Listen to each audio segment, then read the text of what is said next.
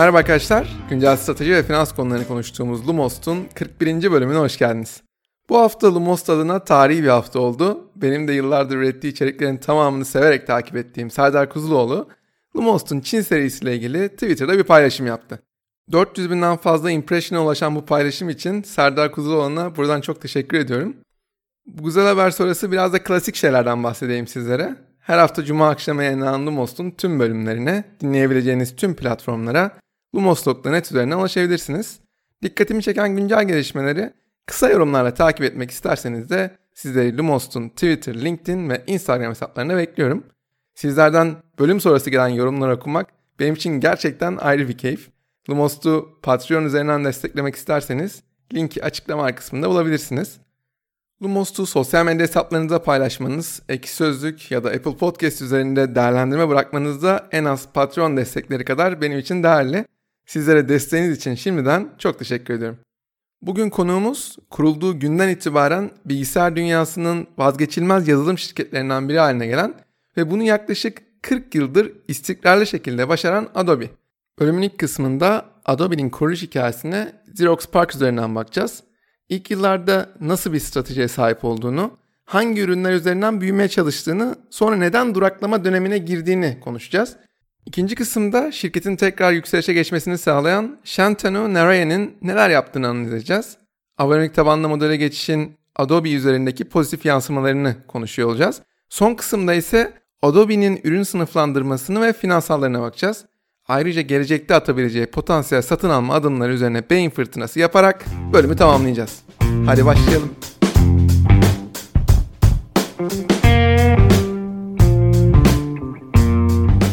Adobe'yi anlatmaya teknoloji tarihinin en önemli şirketlerinden biri olan Xerox'tan başlamak olmaz. Dijital baskı uygulamaları ve çözümlerinde dünyanın en önemli şirketlerinden biri olan Xerox için 1959 çok çok önemli bir yıl.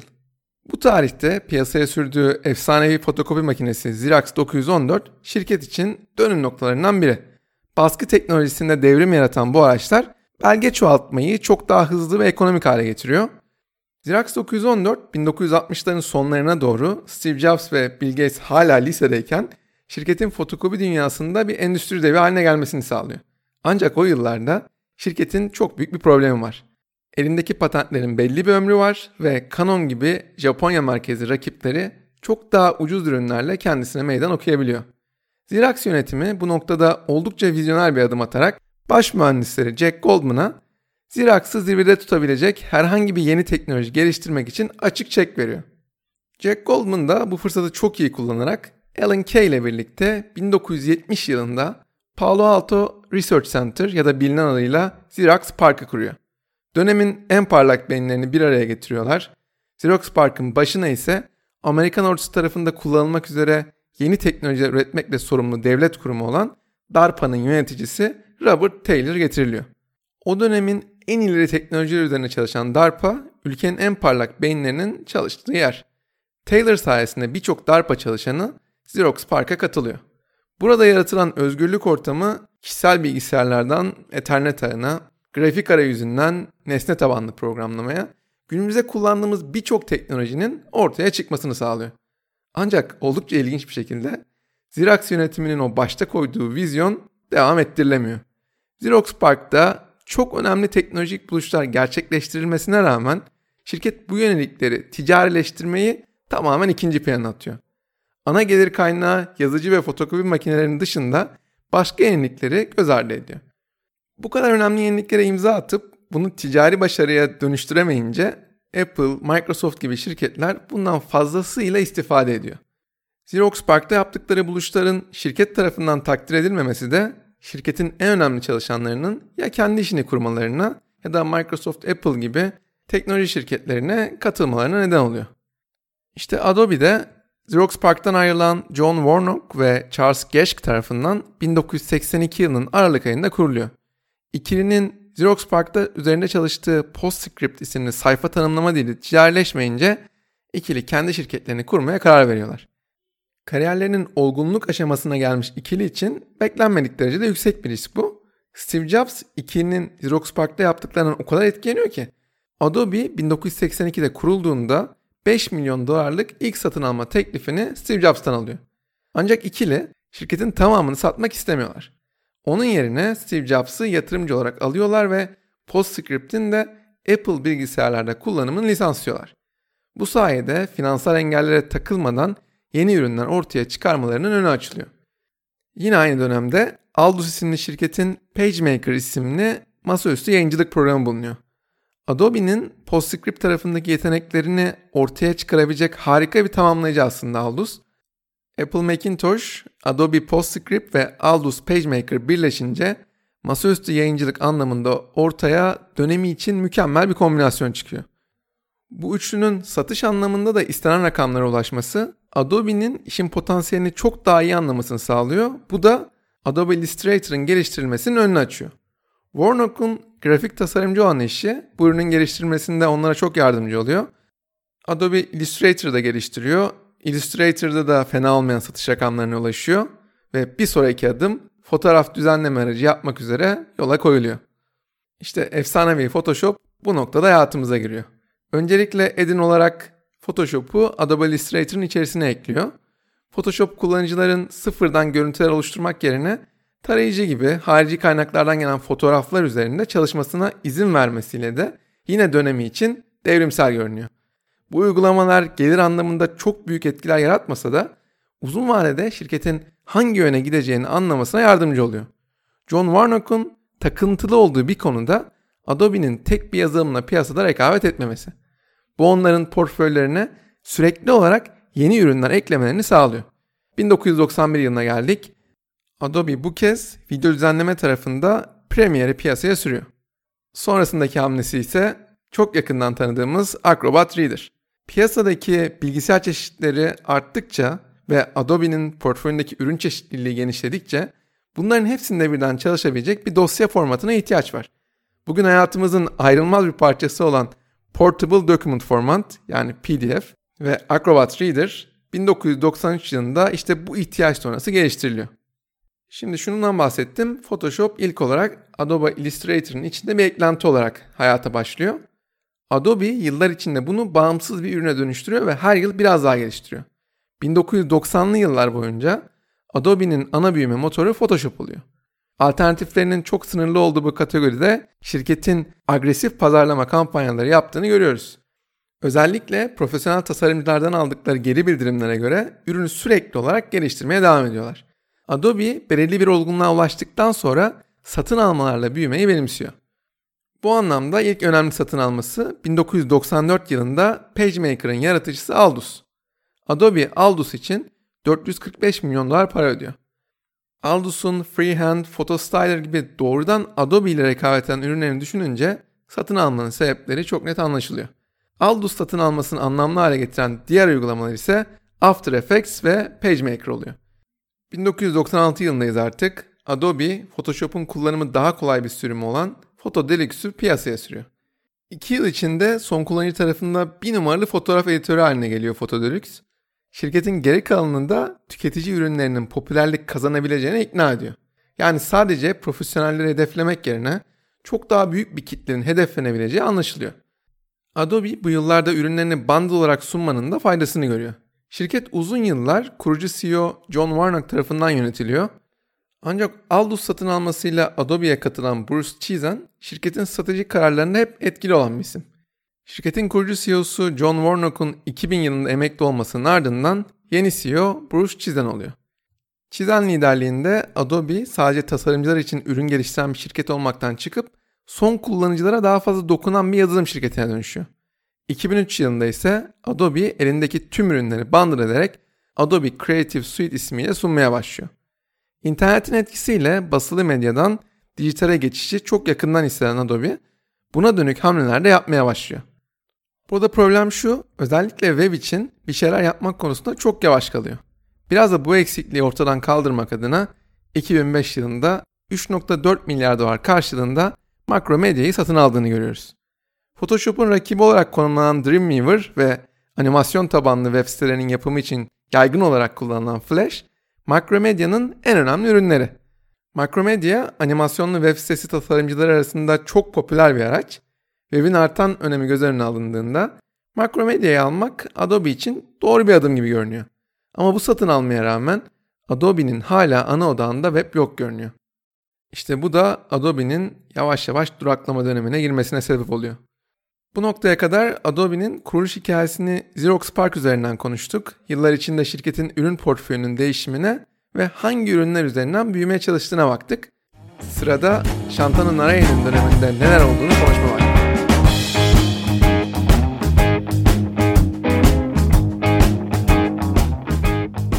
2007 yılında şirketin direksiyonuna Shantanu Narayan'ın geçmesiyle birlikte Adobe'nin web'e bakış açısı da değişiyor ve buna yönelik adımlar atmaya başlıyor. Shantanu Narayan'ın özellikle büyük teknoloji şirketlerinde Hindistan kökenli CEO trendini de başlattığını söylemeliyim. Hem küreselleşme etkisi hem de Hindistan'ın bilişim hata sıfır noktasından başlayıp kariyer basamaklarını adım adım çıkan Hintli yöneticilerin sayısını her geçen gün arttırdı. Silikon Vadisi'nin kurucu CEO'ları koltuklarını bırakırken çalışkanlıkları ve iş disiplinleriyle ön plana çıkan Hindistanlı yöneticilerini ana halefleri olarak belirlediler. Adobe CEO'su Shantanu Narayan, Mastercard CEO'su Ajay Banga, Microsoft CEO'su Satya Nadella, Google CEO'su Sundar Pichai, IBM CEO'su Arvind Krishna, Novartis CEO'su Vasant Narasimhan, Deloitte'un CEO'su Punit Ranjan ilk akla gelen Hindistanlı CEO'lar. Durumu daha da ilginç hale getiren detay Adobe, Mastercard ve Microsoft'un CEO'larının Hindistan'daki Hyderabad Lisesi'nden mezun olmuş olmaları. Apple'ı yakından takip edenler için de Tim Cook'un ardından Sabi Khan'ın CEO olması pek şaşırtıcı bir gelişme olmayacaktır. Adobe CEO'su Shantanu Narayan başarılarıyla tüm bu trendi başlatan isim. Adobe CEO'su Shantanu Narayan, şirketin yazılım tarafında ürün çeşitliliğini arttırmak yerine Adobe'nin bir SaaS şirketine dönüşerek eldeki ürünlerden maksimum faydayı sağlamasını hedefliyor. Bu söylemesi kolay ama gerçekleştirmesi de bir o kadar zor bir hedef. Şirket 2008 yılında Photoshop Express isimli Photoshop'un bir web sürümünü yayınlıyor. Profesyonellerden çok son kullanıcıyı hedefleyen bu ürün kullanıcıların fotoğraf üzerinde düzenlemeler yapmasına, albüm oluşturmasına ve bunları başkalarıyla paylaşmasına olanak tanıyor. Photoshop Express'e Adobe'nin dönüşüm yolculuğunun ilk adımı diyebiliriz. İkinci adımsa yine bir satın alma hamlesi. 1.8 milyar dolar karşılığında web analitik şirketi Omniture satın alması şirketin gittiği vizyon doğrultusunda harika bir hamle. O yıllarda Adobe'nin uyum sağlaması gereken bir diğer noktada internetin mobile kayması. Web'de yaygın olarak kullanılan flash teknolojisi mobil için tasarlanmadığından pil optimizasyonu ve dokunmatik deneyimi konusunda çok problemli. Apple'ın flash destekleme kararı sonrası Adobe'nin burada yapabileceği çok da fazla bir hamle kalmıyor. Artık 2013 yılına kadar geldik. 2013 yılında Adobe kendi tarihinin belki de en önemli kararını vererek abonelik tavanlı bir modele geçiş yapıyor. Bu karar daha uzun yıllar Adobe'nin dijital dünyada her türlü görsel ve videonun oluşturulması, düzenlenmesi ve yönetilmesi konusunda en büyük oyuncu olmasını da sağlıyor. Abonelik tabanlı bir modele geçişin neden önemli olduğunu detaylı şekilde konuşalım istiyorum. Tahmin edilebilir düzenli gelirler, yeni lansman kaynaklı büyük değişimlerin olduğu gelir akışlarına göre çok daha tercih ediliyor. Bir kez çok daha yüksek bir fiyata satmak yerine aylık ücretlerle kiralama modelinin başarısını belki de en güzel anlatan şirket Adobe. Modelin tüm taraflar için kazan kazan denklemini sağlıyor olması burada bence kritik nokta. Şimdi bu modelin hem tüketiciler hem de şirketler tarafındaki faydalarına beraber bakalım. Tüketici tarafında ne var? En büyük fayda karar verme sürecini çok kısaltıyor. Çok hızlı şekilde kullanılmaya başlanabiliyor. Herhangi bir donanım masrafına gerek olmadan kurulumu hızlı şekilde gerçekleştirebiliyorsunuz. Yer ve zamandan bağımsız internet üzerinden kolaylıkla kullanabiliyorsunuz. Bir diğer güzel tarafı da kullandığınız ürünün her zaman güncel olması. Ve Adobe yeni bir özellik mi çıkardı? Buna hemen ulaşabiliyorsunuz. Kullanıcılara istedikleri yazılımın istedikleri özelliklerini istedikleri kadar kullanılabilme özgürlüğü sağlaması inanılmaz bir esneklik. Bu da maliyetlerin çok daha kontrol edilebilir olmasını sağlıyor. Geleneksel lisanslı yazılım modelinde ne var? Sistem güvenliğinden yedeklemeye, güncelleme sıklığından abone yönetimine birçok farklı operasyonel sürece kafa yormanız gerekiyor. Adobe yeni abonelik tabanlı modeliyle tüm bu verimsiz süreci ortadan kaldırıyor. Olaya bir de şirket açısından bakalım. İşletmelerin en büyük problemi ne? Nakit akışı problemi. En sık yapılan hatalardan biri şirketin finansal anlamda ne kadar sağlıklı olduğunu şirketin sadece karlılığı üzerinden yorumlamak oluyor. Ancak şirketler bazen kar etmelerine rağmen ortada nakit olmayabiliyor. Şirketin harcamalarını düzenleyebilmesi için, satın alma ve yatırım kararlarını sağlıklı bir şekilde alabilmesi için düzenli bir nakit akışı sağlaması gerekiyor. Bunu sağlayamayan şirketlere ne oluyor? Finansal istikrar anlamında ciddi problemler yaşıyorlar.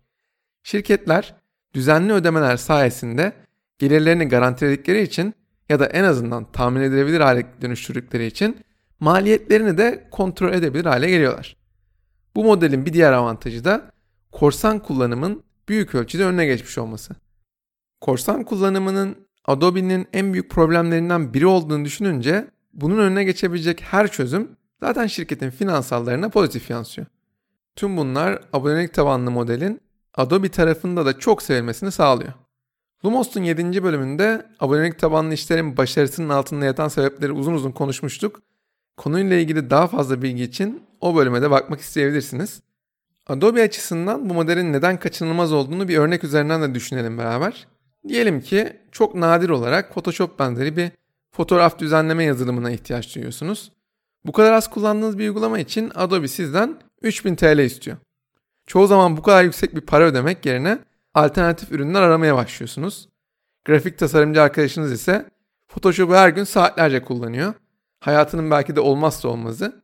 Photoshop olmadan kendi işini yapabilme şansı yok. Çok daha fazlasını ödemeye razı ama Adobe ondan da aynı para istiyor. Bir de üniversitede okuyan kardeşiniz var. O da yeni bir hobi olarak fotoğrafçılığa başlıyor. O da Photoshop kullanmak istiyor ama onun için de Photoshop çok pahalı.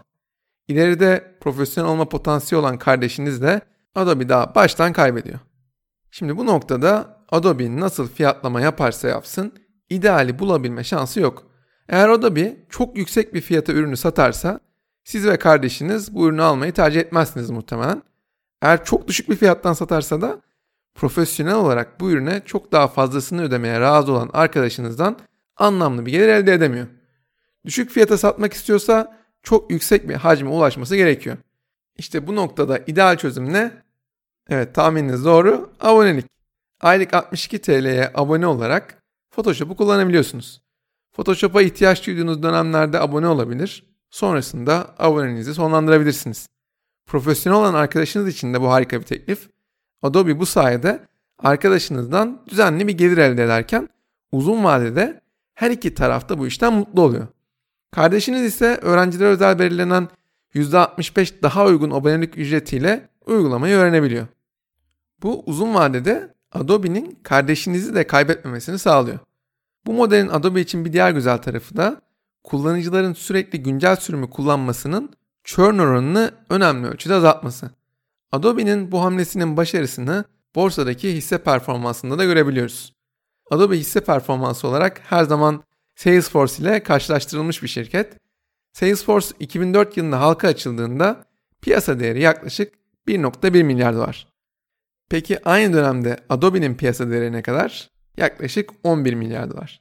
Salesforce, SaaS modelinin avantajlarını sonuna kadar kullanarak piyasa değerini sürekli arttırarak 2011 yılında iki şirketin piyasa değeri 14 milyar dolarla eşitlenmiş. 2013 yılına kadar Adobe yine yatay hareket ederken Salesforce büyümeye devam ediyor. Adobe'nin SaaS modeline geçtiği 2013 yılında piyasa değeri 20 milyar dolar civarında. Salesforce 25 milyar dolar piyasa değerini geçmiş. Adobe'nin iş modelini değiştirmesiyle birlikte piyasanın hissi olan reaksiyonu da tamamen değişiyor. Bugün Adobe'nin 230 milyar dolarlık piyasa değerine sahip olduğunu görüyoruz. Bu iş modelini değiştirdiği dönemden bu yana yaklaşık 11 katlık bir değer artışı anlamına geliyor. Salesforce da aynı dönemde çok iyi performans göstererek bugün 200 milyar dolarlık bir piyasa değerine ulaşmış durumda. Shantanu Narayan'ın attığı her adım Adobe'yi biraz daha başarılı bir şirket haline getirmiş görünüyor. Podcast'in son bölümünde Adobe'nin ürün sınıflandırmasını ve finansallarını konuşacağız. Ayrıca gelecekte atabileceği potansiyel satın alma adımları üzerine beyin fırtınası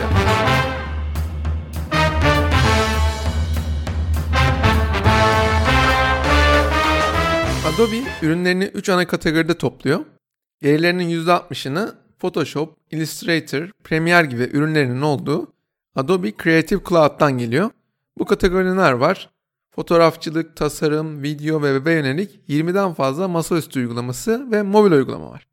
Gerilerinin %12'si ise Acrobat ailesinin tüm ürünlerini içeren Adobe Document Cloud'dan geliyor.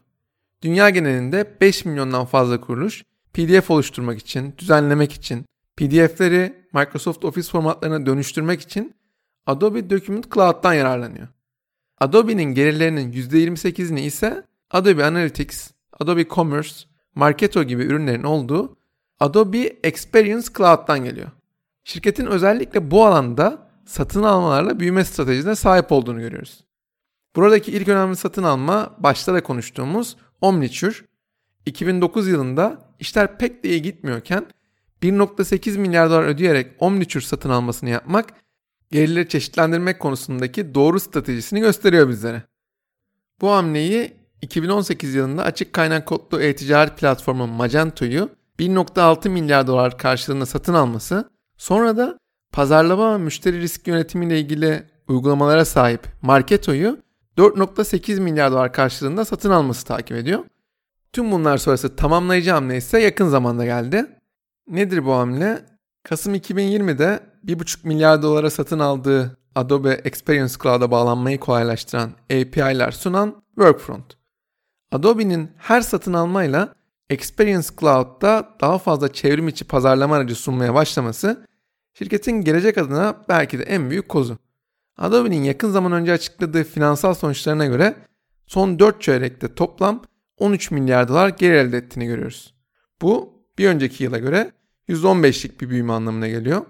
Evet son dönemde bir yavaşlama işaret ediyor bu büyüme ama hala çok yüksek bir büyüme oranı. %38 EBITDA marjına sahip olması ve bunu çok uzun bir süredir istikrarlı şekilde sağlaması oldukça değerli. Şirket free cash flow yaratmakta da hiç zorlanmıyor. Şirketin değeri yarattığı free cash flow'un 47 katı. Salesforce'da bu oran ne? 61. Adobe'nin piyasa değeri yaptığı satışların yaklaşık 18 katı. Bu oran Slack ve Zoom'a göre çok daha düşük. Salesforce'a göre bir miktar daha yüksek. Bu noktada akla gelen soru şu, Salesforce'a göre çarpanları neden daha yüksek? Adobe'nin daha yüksek EBITDA marjına sahip olması ve daha yüksek oranda free cash flow yaratıyor olması burada ana katalizörler oluyor. Salesforce'un satın almaların da etkisiyle hala %30'lar civarı büyüme rakamlarına ulaşabiliyor olması onların belki de en önemli kozu. Genel olarak Adobe için değiştirme maliyetinin çok yüksek olması ve network etkisinden dolayı derin bir moata sahip diyebiliriz. Adobe Creative Cloud altındaki tüm ürünler yaratıcı dünyada o kadar yaygın kullanılıyor ki yerine ürün bazında bir alternatif gelse bile bütün ürünlerin yerini tutması çok çok düşük bir ihtimal. Bir de ürünler arasındaki geçişlerin pürüzsüz olması da moat'u derinleştiren bir başka etken. Dijital medyanın Adobe'yi bu kadar yaygın kullanıyor olması da herkesi bu ürünleri kullanmak zorunda bırakıyor. Öğrenciler Adobe ürünlerini öğrendiklerinde daha kolay iş bulabileceklerini biliyorlar. Şirketler de Adobe ürünleri kullanmaları durumunda daha kolay uzman bulabileceklerinin farkındalar. Ben kişisel olarak Adobe'nin özellikle profesyonel kullanıcılar için krallık koltuğundan daha uzun süre inmeyeceğini düşünüyorum. Ancak amatör kullanıcılar için problemlerini olabilecek en pratik şekilde çözebilmek çok daha önemli. Adobe'nin sunduğu çözümler çok daha başarılı olsa bile pek pratik oldukları söylenemez. Örneğin Canva çok hızlı şekilde Adobe'nin size sağlayamadığı esnekliği hazır template'ler üzerinden sağlayabiliyor. Ben kişisel olarak Canva'nın Adobe için harika bir satın alma hedefi olduğunu düşünüyorum. Her geçen gün daha fazla insan tarafından benimsenen Canva'nın değerlemesi 6 milyar dolara kadar çıktı. Canva'nın özellikle son 2 yıl içindeki yükselişine bakınca çok fazla şirketin satın alma radarında olduğu kesin. Canva'nın amatör kullanıcılar tarafında bu kadar benimsenmiş olması Adobe için de bir fırsat olduğunu gösteriyor. Adobe için bir başka fırsat da UI UX tasarım tarafında bence. Her ne kadar bu tarafta son yıllarda XD ile büyük bir hata kalkmış olsa da burada da bir satın almamesi yapmak mantıklı görünüyor bence. Adobe, Sketch ve Figma gibi rakiplerinin neleri iyi yaptığını çok iyi analiz ederek XD'yi en az rakipleri kadar iyi bir ürün haline getirdi. Ancak Figma bu noktada her geçen gün daha büyük bir tehdit haline geliyor. Figma'nın da Adobe için iyi bir satın alma hedefi olduğunu düşünüyorum ben. Adobe'nin atabileceği son bir adımsa data analitik tarafında kullanıcı davranışını anlamlandırmak, bunu insight'e dönüştürmek konusunda Adobe bir satın alma gerçekleştirebilir gibi görünüyor. Ben burada da son aldığı yatırımla değerlemesi 1 milyar dolara gelen Amplitude'un güzel bir aday olduğunu düşünüyorum. Yavaş yavaş podcast'in sonuna geldik. Adobe dijital dünyada her türlü görsel ve videonun oluşturulması, düzenlenmesi ve yönetilmesi konusunda uzun yıllar daha en büyük oyuncu olmaya devam edecek gibi görünüyor. Bir şirketin bu kadar uzun süre sonra bile inovasyon yapmayı sürdürmesi, işlerini çeşitlendirmesi kesinlikle takdir edilesi. Adobe'nin sahip olduğu rekabet avantajlarıyla yükselişini yakından izlemeye devam edeceğiz. Haftaya görüşmek üzere.